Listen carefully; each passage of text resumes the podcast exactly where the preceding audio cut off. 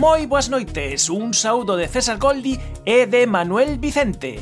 Somos o equipo de Efervesciencia.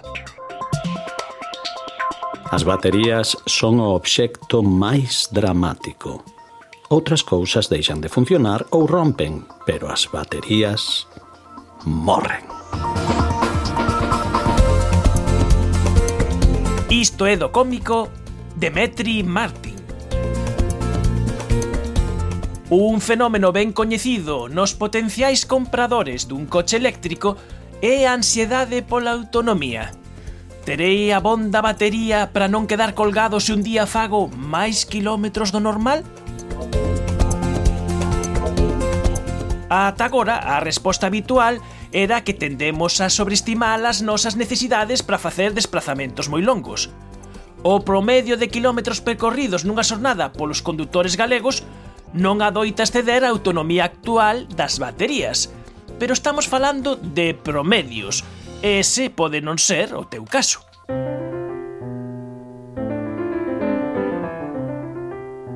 Os novos desenvolvementos que se están a realizar nas baterías van poder curar a ansiedade pola autonomía de golpe.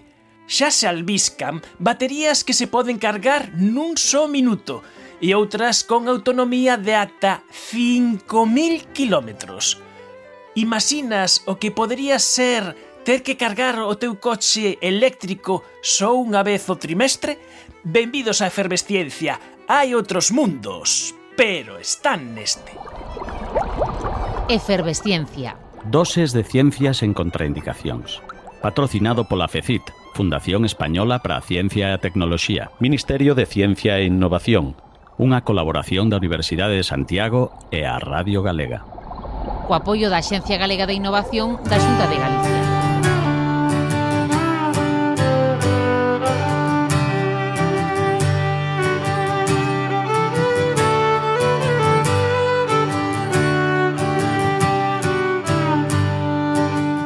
Cando viaxamos atopámonos sorpresas e esas sorpresas podemos deixalas escritas nun diario, como por exemplo a bitácora do Beagle.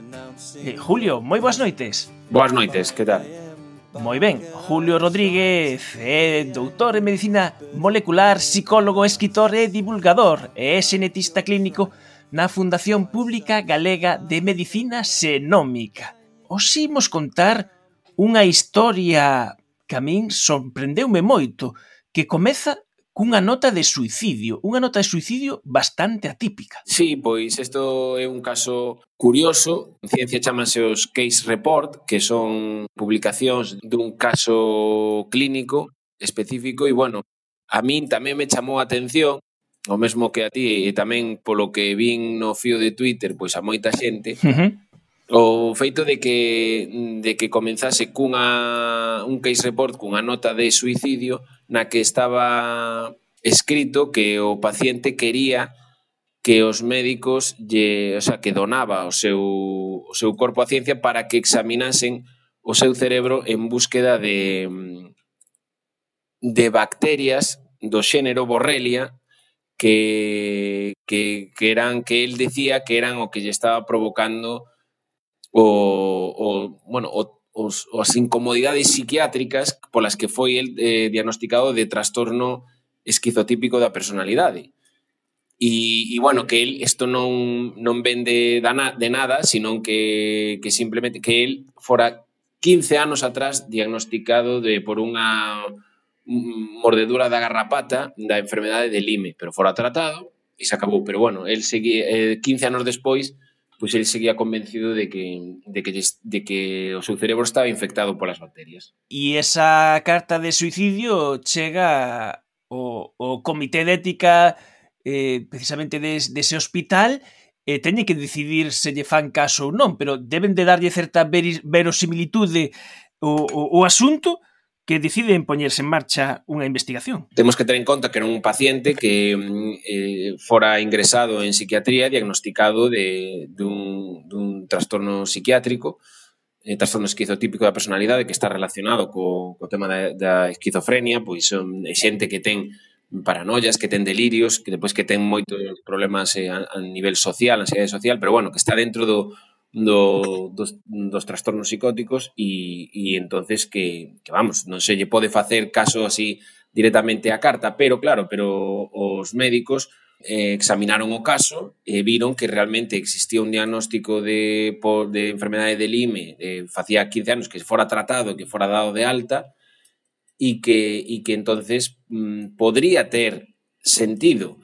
E de feito, cando o paciente fora mm, fora diagnosticado dese trastorno psiquiátrico 15 anos despois do diagnóstico da, de, de Lime, que trataba con antibióticos, se lle volveron a dar outra vez antibióticos, pero claro, todos os, os datos os que podían acceder os médicos, os datos clínicos, de serolóxicos e de e de incluso de análisis de, de ADN bacteriano no sangue e tal, todo dan negativo. entonces non vían rastro da enfermedade de Lyme Pero, bueno, pois quedaba esa posibilidade porque se sabe que, bueno, que tanto bacterias como tamén virus pois poden permanecer ocultos no, no corpo e, e non dar sintomatoloxía clínica ou de repente empezar a dar. entonces como un pouco decían igual pode ter razón, pois ao final deciron de eh, seguir adiante e facerlle o sea, unha autopsia e un examen pormenorizado do, do,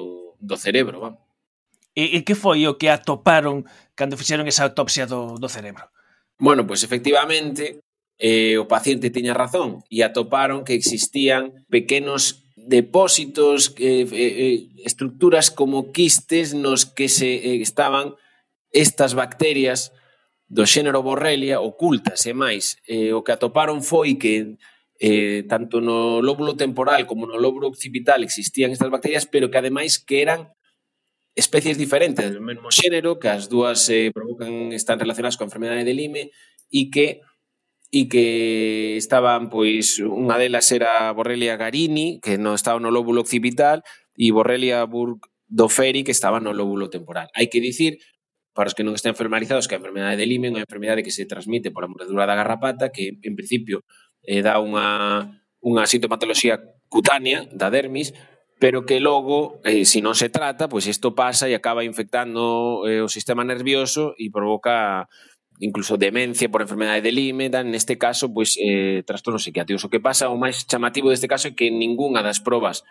relacionadas co, co Lyme daban positivo porque estas bacterias estaban ocultas en pequenos quistes no cerebro, pero está claro que pois eh, lle provocaban algún tipo de, de sintomatoloxía psiquiátrica porque el de feito foi eh, diagnosticado dun trastorno psiquiátrico, pero era derivado desta, desta outra enfermedade, pero non había maneira de sabelo, claro, depois cando lle fixeron análisis pois do, do cerebro, do, de, de, de ADN bacteriano no propio tecido do cerebro, deulle positivo, despois eh, probas serolóxicas no propio tecido do cerebro, deulle positivo, e depois con microscopía eh, normal e, e microscopía electrónica atoparon realmente as bacterias no, no, no, o sea, no tecido cerebral.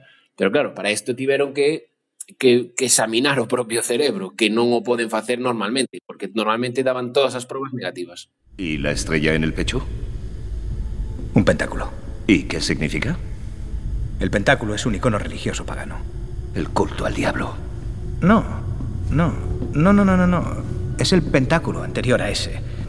Este es un símbolo de Venus. Representa la parte femenina de todas las cosas. Me está diciendo que el último acto de Sonier en la Tierra ha sido dibujarse el símbolo de una diosa en el pecho. ¿Por qué? Capitán Fash está claro que no sabría decirle por qué. Puedo decirle que él sabía mejor que nadie el significado de este símbolo y no tiene nada que ver con el culto al diablo. ¿Eso cree? Sí. ¿Y qué me dice de esto? Oh, Draconian Devil, oh lame saint, diablo draconiano, oh pobre santa. No significa nada, que yo sepa. ¿Qué haría usted si tuviera tan poco tiempo para escribir un mensaje? Bueno, supongo que intentaría revelar quién es mi asesino. Precisamente. Precisamente. A verdade é que é un caso eh, moi chamativo porque eh, parece semellante á típica peli negra barata na que asesinan alguén e deixa escrito co seu sangue o, o asesino, empeza a escribir o nome do asesino pero non acaba de escribilo. En este caso, eh, o, o doente eh, tiña razón e e conseguiu saber cal foi a, a causa que ao fin, que ao, fin ao cabo levoulle o, o, o suicidio. O que pasa é que, como dicías ao principio, estes, eh, estes publicacións só son un único caso, é difícil facer extrapolacións, pero sí poden dar pistas. Totalmente. E, e bueno, non solamente é un caso de, de típico de cine, sino tamén de videoxogos, porque no, no, no fío de Twitter moita xente falaba, bueno, isto é es como el videojuego eh, non me lembro ahora o nome, e que era que, que bueno, que infecciones de, de, de, de, de, de fungos e de bacterias que fan as, as personas zombies, non? Neste caso, bueno, claro, logo é unha película, pero e, e que lle, lle, lle controlan o comportamento, non? e neste, bueno, ese, ese ficción, pero bueno, pero neste caso, pois eh, é, é un caso real. Que pasa? Que mm, tamén moita xente comentou porque o, future, o final chegou a moita xente, moita xente comentou que, que xente do ámbito médico de que de que se de que en moitos trastornos psiquiátricos poden estar eh, bueno, moitos non, pero bueno, algúns casos poden, estar, eh, poden ser derivados deste tipo de infeccións que permanecen ocultas e que ni siquiera se, se diagnostican ni se tratan. E se falaba de que, mm, que se viron máis casos en adolescentes, de que, mm, de que se daban, pues, bueno, se diagnosticaban con trastornos psiquiátricos e depois resulta que eran producidos por infecciones deste tipo. Eu, de, de verdad que, o sea, descoñezo cal pode ser a estadística, o que pasa que tamén eh, non é que a descoñeza simplemente porque non a busquei, que ademais me parece moi difícil, é, eh, é moi difícil porque realmente, como vimos neste caso, no que estamos comentando, é moi difícil incluso de detectar, porque permanecen, a veces sí, se poden detectar, pero outras veces permanecen ocultas, e entonces ti non nos pode detectar de ninguna maneira hasta que a persona morra lle podes examinar directamente o cerebro. Julio Rodríguez, moitas grazas por traernos eh, esta anotación da túa bitácora do Beagle que podedes seguir tamén nas redes sociais. Moi boas noites. Boas noites, encantado de estar con vos.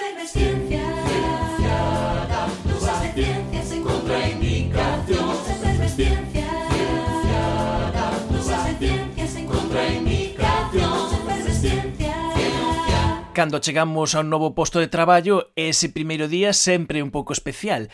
Israel, ¿Qué tal a tu toma de contacto con la Universidad de La Coruña? Muy bien, la verdad es un poco como volver a casa, porque yo salí de aquí hace ya casi 20 años y ahora después es como volver.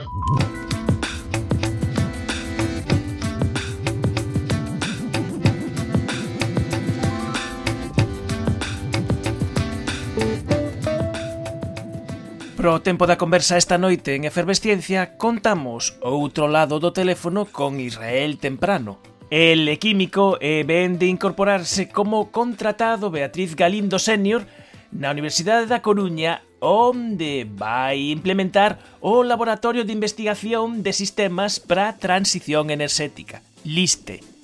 Israel, a partir de agora vas ter que estar na ponte aérea todo o día porque vas manter a túa afiliación actual de Cambridge e ademais vas a simultanear co teu novo traballo na Coruña. Eh, sí, yo he, eh, desarrollado mi, investigación científica en los últimos eh, 14 años allí en Cambridge y pues tengo varias líneas de investigación abiertas, un grupo investigador eh, dentro de uno que es bastante fuerte y, tenemos colaboraciones con varias partes del mundo y varias empresas de, de, de baterías y demás, y, y, pues voy a mantener un poco esa línea de investigación e intentar traer un poco ese, ese expertise, esa, esa experiencia y ese potencial investigador a, aquí a La Coruña durante los próximos años. Precisamente a convocatoria Beatriz Galindo do Ministerio de Ciencia, Innovación e Universidades ten como obxectivo a atracción do talento investigador que está no estranxeiro, que ese ademais é o teu caso, que xa fixeches o teu doutoramento en Canadá, logo andaches por Liverpool e finalmente en Cambridge. Pero o curioso é que durante todo este tempo o inicio non traballabas neste tema das baterías, que é unha incorporación relativamente recente nas túas liñas de investigación. Pois pues é cierto, yo me marché de La Coruña a nada máis acabar uh mi, graduación como químico y me marché pues a hacer eh, un primero máster y luego doctorado eh, en Quebec, en la zona francófona de, de Canadá, haciendo, estudiando eh, catálisis, generalmente eh, estudiando pues la interacción entre materiales sólidos y, gases para, para, acelerar la producción de, de ciertos productos químicos. Y esa es una línea de trabajo en la que, que desarrollé tanto en, en, Canadá durante mi doctorado como en Liverpool en un primer postdoc como, como Marie Curie y en, en, una primera etapa en, en, Cambridge también. A mí me, contrataron para, para, dirigir un centro de un, laboratorio allí en, en Cambridge eh, trabajando con ciencia de superficies.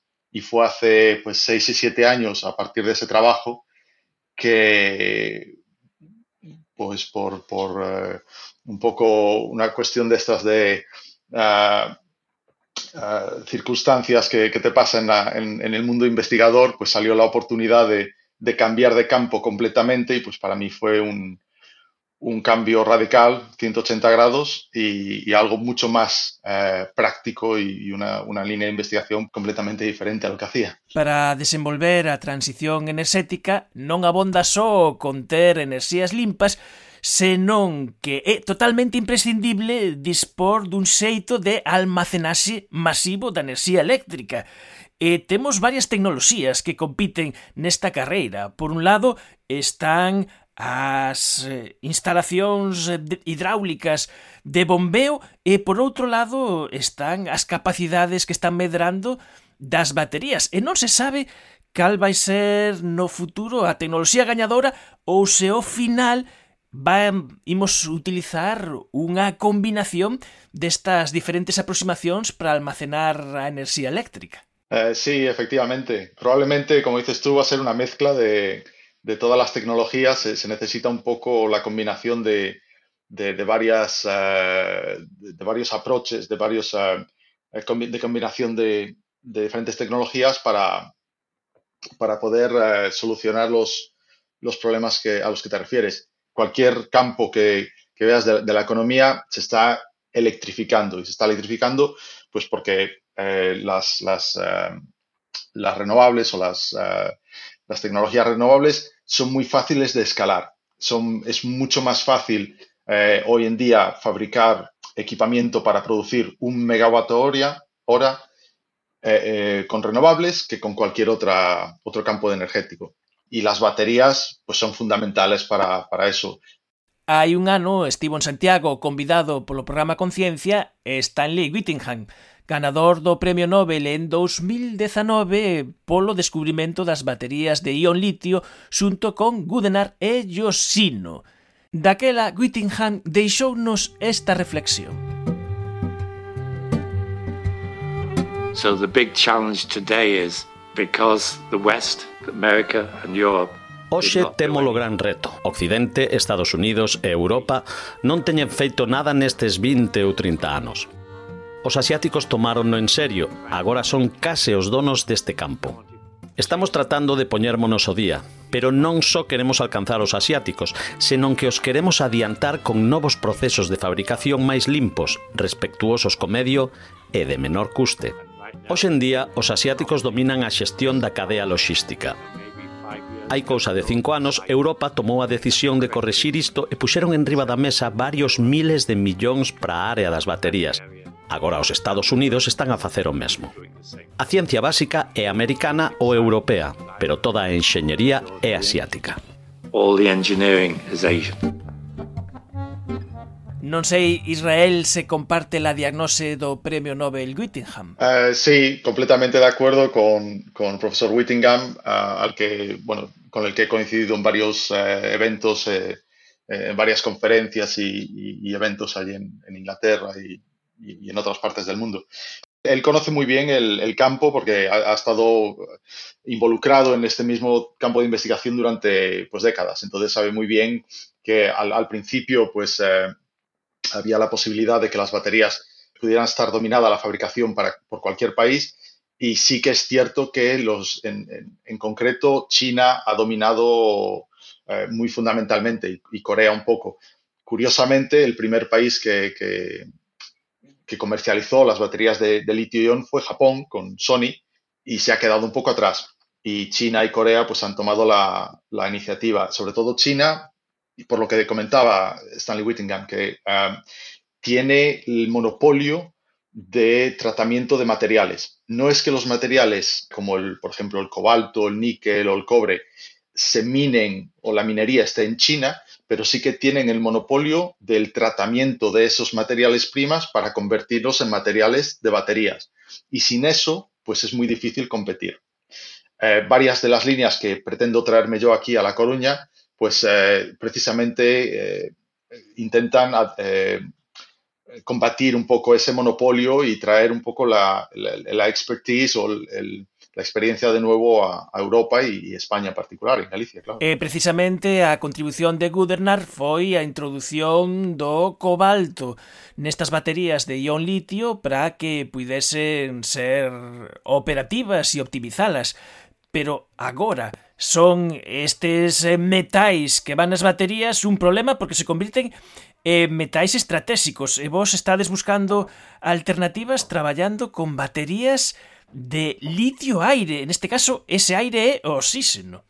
Sí, efectivamente. Bueno, Stanley Whittingham eh, eh, propuso, o, fue un poco el, que generó, el, trabajó mucho en el ánodo y Good Enough fue el primero que, comerció, como dices tú, eh, el descubrimiento fue el, el óxido de cobalto litio, que, funcionaba muy bien por aquel entonces. Ahora mismo, pues el cobalto se está desfasando de las, de las baterías de, litio iónico y tenemos pues baterías, eh, tanto lo que le llamamos las NMCs, que tienen sobre todo níquel y un poquito de cobalto, menos del 10%, para, para, para obtener más, energía, más eh, densidad energética con menos cobalto, que es, es, más problemático, pero también se vienen, muy fuertes las de LFP o las uh, hierro fosfato, o el, fosfato de hierro litiado, que es mucho más estable, mucho más barato y no tiene ni pues, níquel, ni manganesio, ni cobalto. Entonces, estas son un poco las, eh, las tendencias en las litio-ion.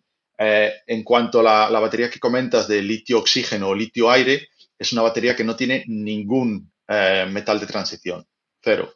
Simplemente tiene litio en el ánodo y un material poroso que es normalmente basado en carbón y que se puede extraer pues, de, de residuos eh, orgánicos, por ejemplo, de compost. Y con, este, con estos dos materiales básicos, pues se puede hacer una, una batería con una eh, densidad energética muchísimo más alta, unas 10 veces más que las baterías que tenemos actualmente en los, en los coches o en, las, los teléfonos y en, las, y en los portátiles. E estas novas baterías de litio-aire respiran, porque o cargar expulsan oxíxeno e cando as estamos utilizando o que fan incorporan este gas. Efectivamente. A nivel teórico, sábese moi ben o que ocorre aquí dentro, porque o litio ten pouca querencia polos electróns eh, que solta e esa transferencia de electróns é o que fan funcionar a batería. Pero aquí a cuestión é Cales son as dificultades eh, tecnolóxicas que evitan que poidamos escalar esta tecnoloxía e que poda chegar ao mercado e utilizarse amplamente? Eh, efectivamente, es una, una, buena pregunta. Eh, en realidad, las, las baterías de litio-ion, el litio realmente no hace nada para eh, guardar la energía. El litio simplemente eh, está ahí para conservar la carga. Los electrones van de un lado a otro y el litio simplemente va para que la, la batería no se cargue de electrones de un lado a otro. Pero lo que es el almacenaje energético no lo hace el litio. En las baterías del litio-aire, sí que lo hace. El litio le da un electrón al oxígeno y el oxígeno pues eh, lo recibe, se reduce y se combina con el litio y crea unos cristales que crecen en, el, en lo que le llamamos en el cátodo o en el electrodo de aire y como dices tú, pues eh, gana oxígeno o respira cuando se descarga y lo libera cuando se carga. Eh, hay, cosas en las que tenemos que mejorar en todos los aspectos. El, litio metales problemático por ahora, tanto para las baterías de litio-ion como las de litio-aire. Al estar abierto al aire, pues es todavía más complicado, pues porque el litio es un material muy reactivo y no le gusta el agua, el vapor de agua o el CO2, entonces pues tenemos que, proteger el litio del, aire. Eh, el electrolito, pues tiene que, la formulación del electrolito tiene que ser muy, eh, muy cuidadosa porque también no se puede evaporar, no, no puedes tener un, un electrolito que se pueda eh, evaporar o que sea tóxico y aún así tiene que, tiene que, que, permitir que la batería se cargue y se descargue rápido. Y en el, en el cátodo, digamos, pues el, lo que es el challenge o, el, lo que necesitamos mejorar es que estos cristales de, de litio y, y, oxígeno ocupen un mayor volumen de este, de este material poroso, aumentar la, la, la eficiencia, digamos, del, del cátodo. E a túa contribución, a túa especialidade é empregar técnicas analíticas para estudar en tempo real o que está acontecendo dentro desas baterías a unha escala de tempos moi pequenos e con moito detalle espacial. Sí, efectivamente. Uh, una de las cuestiones, la, las baterías son bastante complejas en, eh, sí y tienen varias, varias partes que tienen que, que funcionar bien conjuntamente. El problema que tenemos ahora mismo es que las baterías ya funcionan tan bien, son efectivas cada vez que las cargamos y las descargamos, se degradan muy, muy, muy poquito. Entonces son 99,9% eficientes. Entonces, cuando quieres mejorar una batería, tienes que utilizarla durante demasiado tiempo. La manera que tienen las, las, eh, las compañías de fabricación de baterías de, analizar sus baterías es hacer que funcionen durante meses y después abrirlas y mirar dentro. Eso es muy costoso, eh, lleva muchísimo tiempo y cuando las abres, pues eh, tienes una información que a lo mejor no refleja muy bien lo que estaba pasando en cada momento.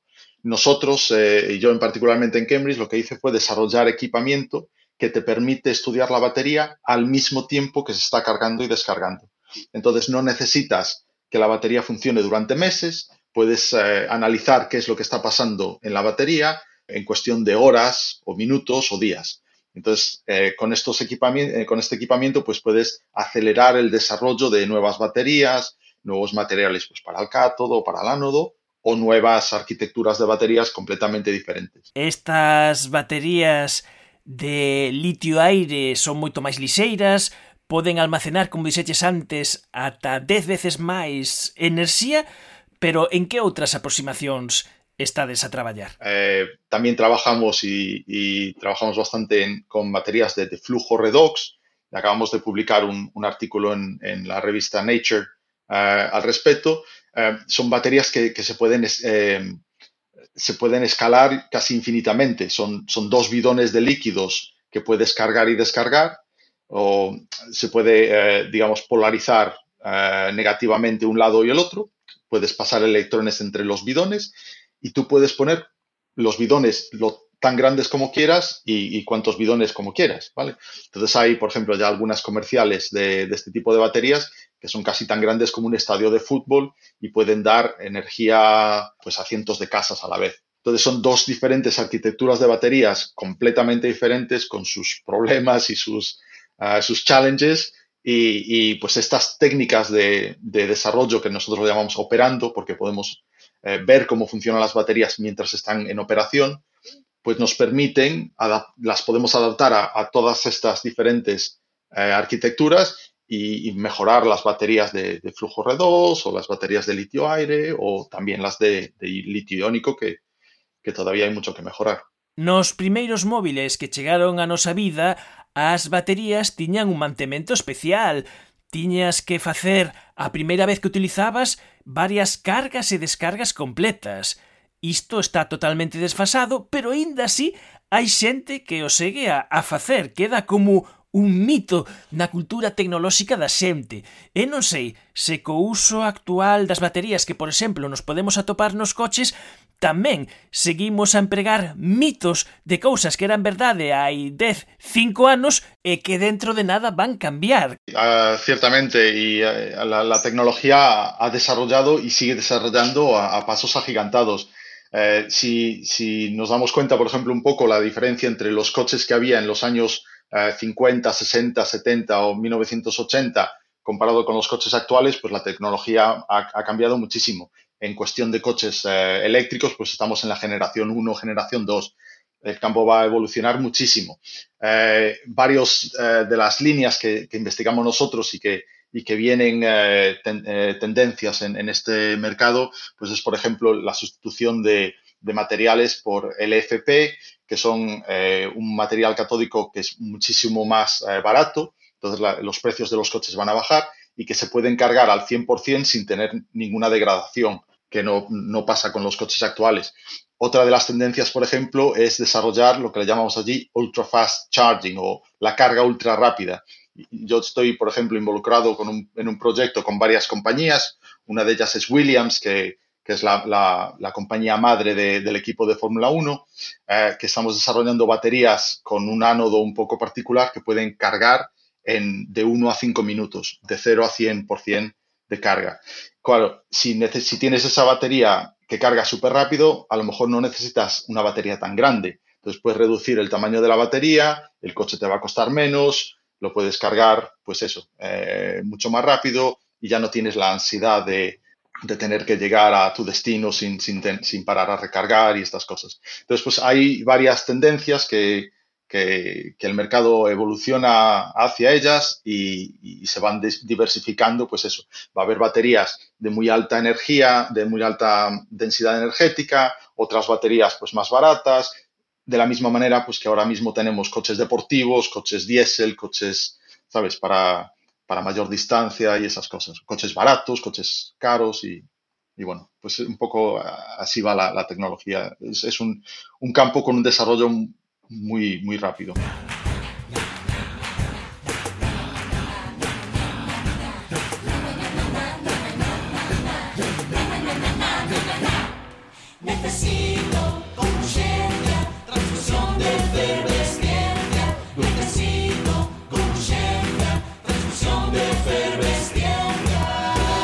Ata agora estamos falando de baterías, é dicir, de sistemas eh, químicos que sirven para almacenar enerxía eléctrica.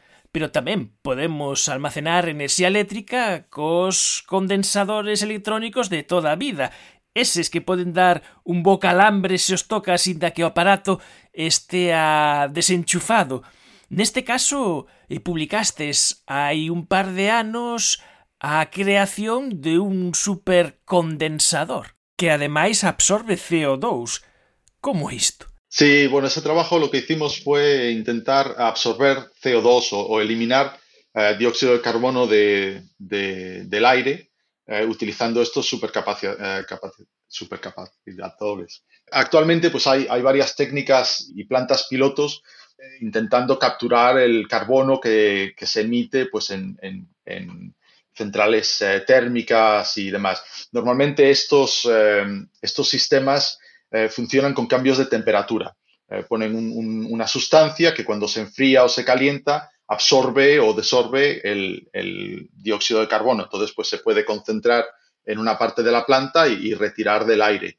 Nosotros lo que hemos intentado hacer es hacer lo mismo, pero electroquímicamente. En lugar de con calor, con electrones. ¿Qué pasa? El cambiar el calor, una masa de, fluido, pues es muy costoso y hay muchas pérdidas eh, energéticas. Y con los electrones esas pérdidas no existen. Entonces, pues es un, un, una manera de, absorber o de retirar el, el CO2 de, un, de, una corriente de gas eh, mucho más eficientemente, con, menos energía. E ademais este superconductor está feito con materiais sostibles. Sí, estos materiales, pues eh, lo único que se necesita es un material carbonoso poroso. Entonces, pues se puede hacer pues con, con muchísima materia prima, eh, como pues pueda ser eh, compost, se puede tratar a partir de, de estos materiales degradables.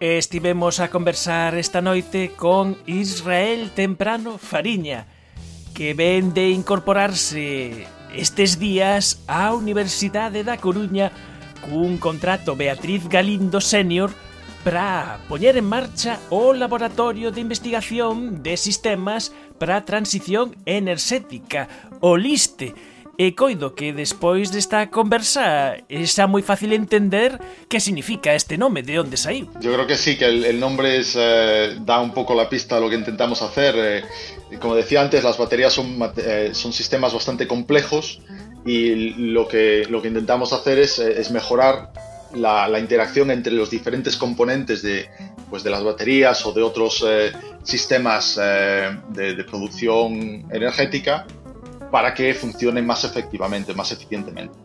Pois Israel, moitos éxitos nesta nova etapa que comezas traballando a cabalo entre Cambridge e a Coruña. Muchísimas gracias, un placer.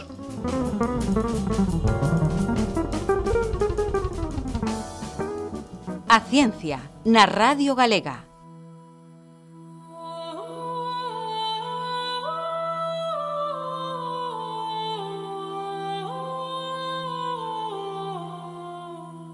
Hai programas de divulgación científica e programas, pero non podes facer unha boa divulgación científica se non tes entre os teus colaboradores unha poeta.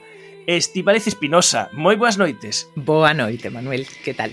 Toca facer esas conexións entre o mundo da ciencia, a literatura, a arte, e hoxe traesnos Unha estrela vermella que estivo de actualidade hai uns poucos días. Sí, xustamente. A estrela vermella, en, en realidade, para os humanos leva de actualidade pois miles de anos, quizáis como símbolo, pero coñecemos unha estrela vermella que das máis eh, brillantes do ceo, eh, que é a estrela Betelgeuse, que está na constelación de Orión, e que estes días atrás pois estivo así no punto de mira precisamente de moitos astrofotógrafos, astrónomos aficionados, astrónomos profesionais, eh, porque mm, pasoulle por diante un asteroide, do cinto de asteroides, eh, curiosamente, pois pola perspectiva, ese asteroide mm, Leona, tapou momentaneamente durante uns segundos a luminosidade de Betelgeuse. Eh, Betelgeuse, Betelgeuse, Betelgeuse, Betel...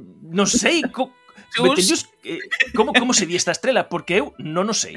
Pois mira, tes que ir á película de Tim Burton dos anos 90, Beetlejuice, que aquí se traducirá precisamente así tal e como soa Beetlejuice, e dicilo tres veces para que apareza aquel personaxe que estaba a medio camiño entre os vivos e os mortos. Te estoy dando pistas. No sé lo que me quieres decir. Que sé, mujer, pero si hasta la fácil. Escarabajo. Los Beatles. Claro, Beetle, Beetle. De Desayuno naranja. Beetle, No, no, no, desayuno. no, no. Beetle fruta. Beetle zumo. Lo- Beetle jugo. Estornudos. Beetle catarro. Por ahí, por ahí, por ahí va, por ahí va, por ahí va. Beetle chus. ¡Chus! Se llama Beetle chus. Ya lo has dicho dos veces, dilo una vez más. porque mm, curiosamente ese personaxe se chamaba como a estrela, o que pasa que foi unha adaptación fonética de Beetlejuice, un, algo así como zume de escarabello, eh, e realmente a palabra original da estrela é unha palabra de orixen árabe que facía alusión a un mito feminino, a unha cazadora ou guerreira feminina, e sería originalmente algo así como o nome da estrela Yad al-Jausa, eu non sei árabe antigo, pero bueno, máis ou menos tal e como se translitera é así, Yat al-Jausa.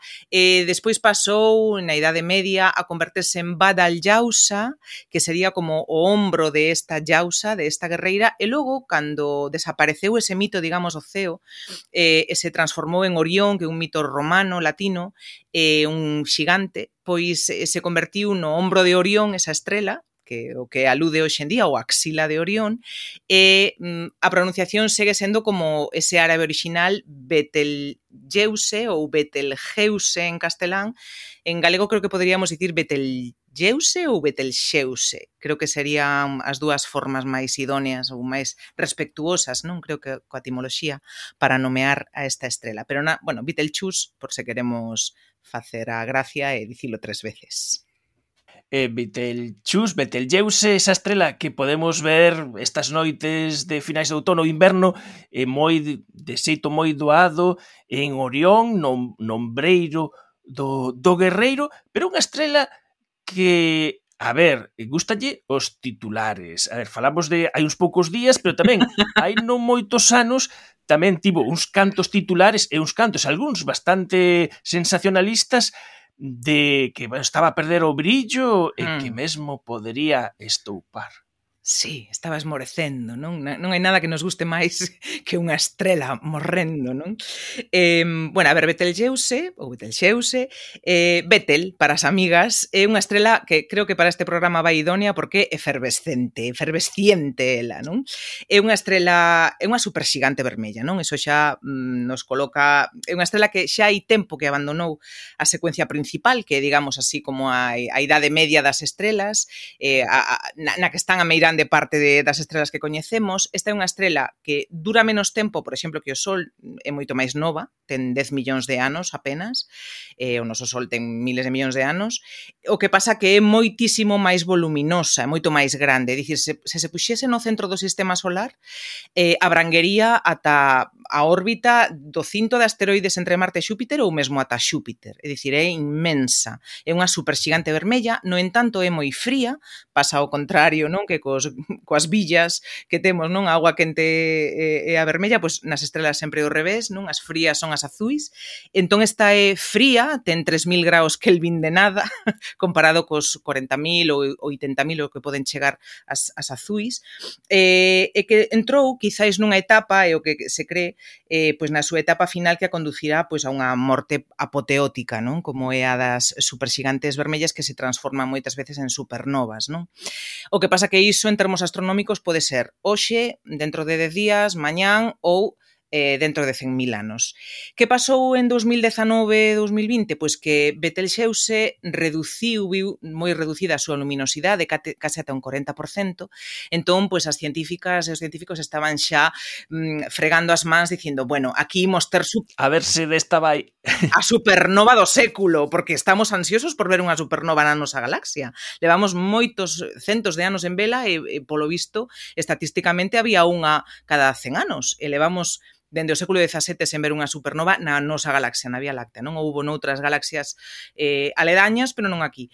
Entón, pois, eh, claro, estaban todos dicindo, a ver, a ver se xa estoupa dunha vez Betelgeuse. Pois non, non era a cousa. Polo visto, o que pasou nese, neses, neses meses no, nos que viu diminuída a súa luminosidade foi pois unha exección de pó, de gas, unha especie de mm, erupto efervescente de estrela, de superestrela, que tapouna, eh, pola nosa perspectiva, tapou momentaneamente ese brillo polo po e o gas que formou como un velo eh, eh, nos tapou esa luminosidade, pero non era certamente porque fose estourar xa. Pero bueno, igual estou dicindo isto, estoura mañán. Eh, claro, o, pois pues, o gallá, eh, sería unha cousa única porque teñen que pasar moitas xeracións para poder ver unha supernova no noso, eh, na nosa galaxia.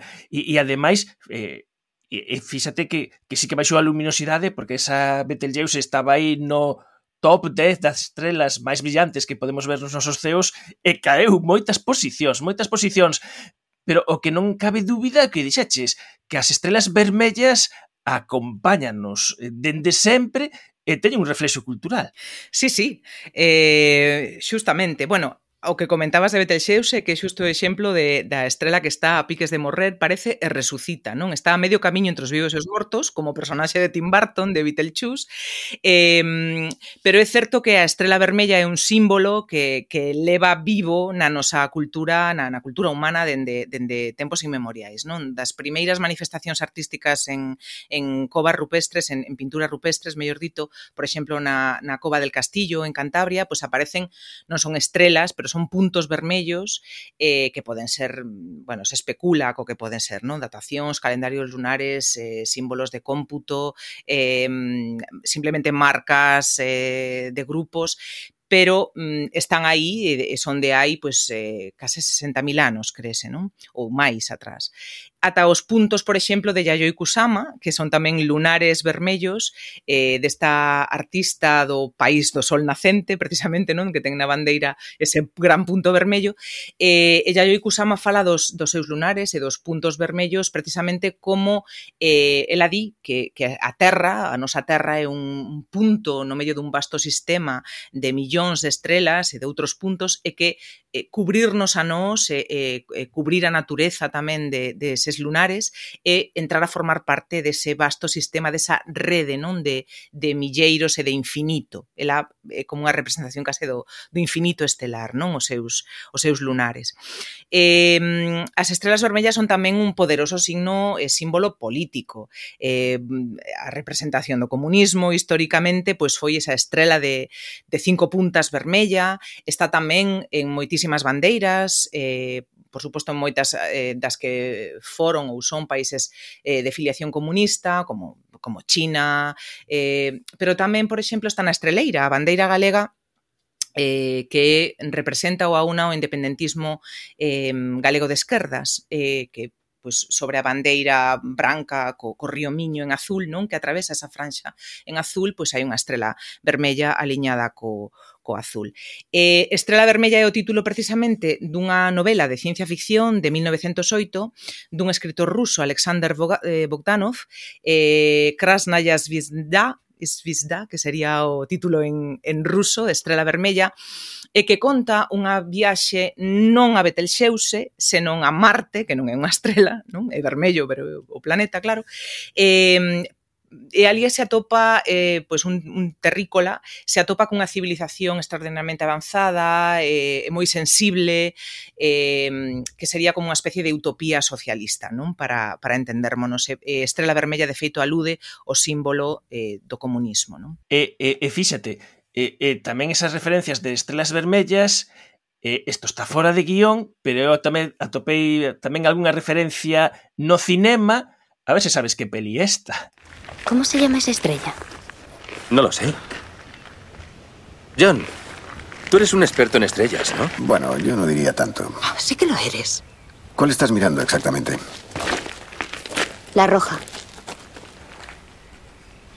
Me asombra que puedas verla. Es Antares, la estrella principal de la constelación de Escorpión. Eh, sabes que peli é, Estíbaliz? Non. Non. Bueno, vou poñer eh, segundo corte, ou mellor, tes unha pista que pode achegarte a peli inda sin vela. Ha desaparecido la estrella roja de escorpión.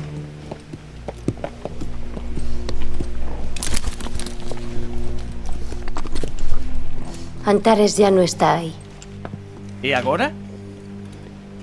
Non sei. No, non sabes. O paradoxo, o paradoxo de Antares. O paradoxo de Antares. Bueno, é que a máis é que xusto nese argumento desta peli e precisamente desaparece unha estrela vermella. Está Antares, que é eh, outra estrela vermella, pero neste caso de verán, que desaparece. Eh, por que desaparece? Porque algo oculta. E mira, o terceiro corte vai a dar, vai dicir o título da peli. Me da miedo ese estúpido planeta. Ese estúpido planeta, ese maravilloso planeta, querrás decir. Primero era negro, ahora es azul. Oculta Antares y se esconde detrás del sol. Cariño, va a ser la experiencia más asombrosa de nuestra vida. Llegará dentro de cinco días y no se estrellará contra nosotros, como no se estrelló contra Mercurio, como ya sabíamos. Tampoco se estrelló contra Venus, como ya sabíamos, y tampoco se estrellará contra la Tierra, como sabemos. Claire, mírame. Cariño, tienes que confiar en los científicos. Dicen que se estrellará. No, no dicen eso, no es cierto. No los científicos de verdad, los profetas del juicio final escriben eso para llamar la atención, pero los científicos de verdad están de acuerdo. Melancolía va a pasar justo delante de nosotros.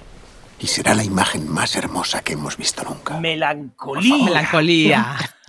Aí está, Melancolía de Las von Melancolía de Las von Trier.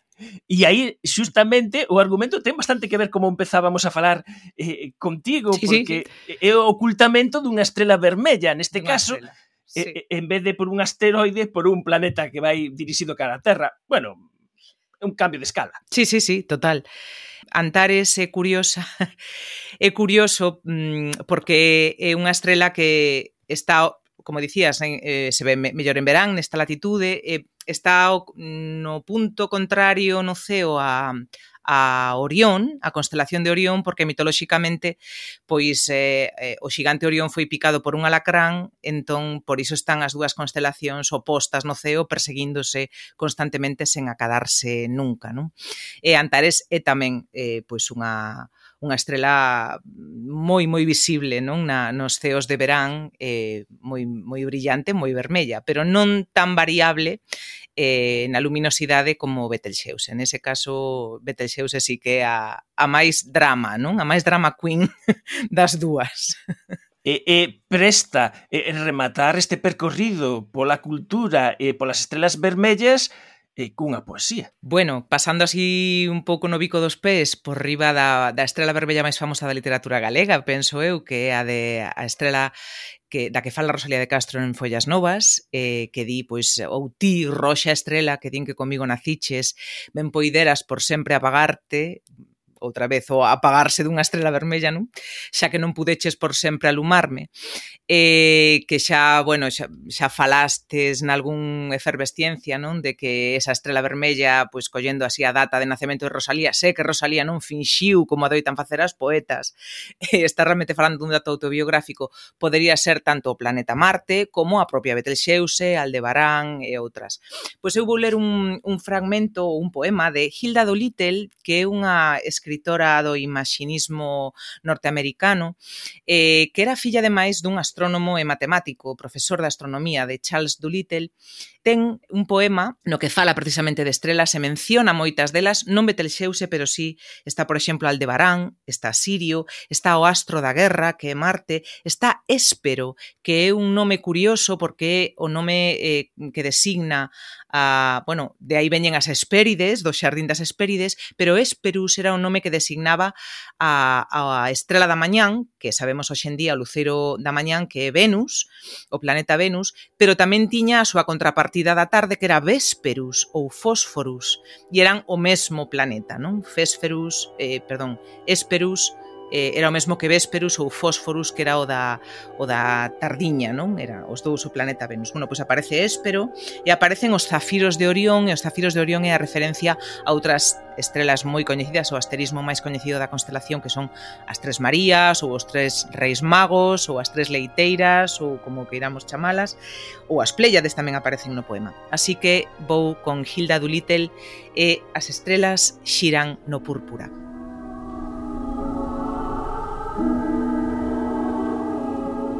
As estrelas xiran no púrpura. A túa non é tan rara como espero, nin unha estrela impoñente como a brillante Aldebarán ou Sirio, nin o tintado e coruscante astro da guerra.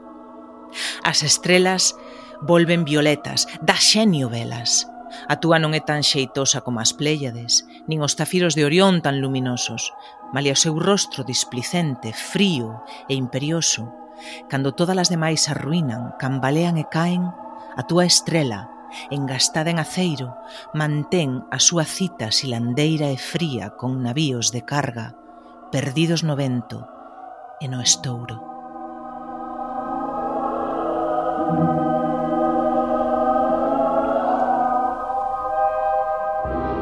Non somos frikis, somos poetas. Ah, gústanos dalle, dalle. a ciencia, gústanos a poesía e gústanos sobre todo esas conexións efervescentes nas que todos fai un bo, un bo condimento, unha boa misturanza perfecta, única, que abre as nosas mentes e os nosos cerebros, como fixemos esta noite con Estíbaliz Espinosa. Estíbaliz, unha aperta moi grande e, e vai preparando esa gorxa para o especial de fin de ano que vas a ter a túa primeira iniciación nesto de mm, de cantar o ano novo e as noticias en efervesciencia. Bueno, xa sabes que eu ser estrela vermella, creo que estou disposta. Incluso a esmorecer e a resucitar. Pois aí estaremos. Moi boas noites. Boa noite, Manuel, grazas. Efervesciencia. Patrocinado pola FECIT, Fundación Española para a Ciencia e a Tecnoloxía, Ministerio de Ciencia e Innovación, unha colaboración da Universidade de Santiago e a Radio Galega. Co apoio da Axencia Galega de Innovación da Xunta de Galicia. O vindeiro xoves non habemos ter o habitual efervesciencia por causa do fútbol, pero iso sí, apunta na túa senda porque imos ter un programa especial o sábado 23 ás 12 do mediodía na Radio Galega. Agardámoste. Adeus.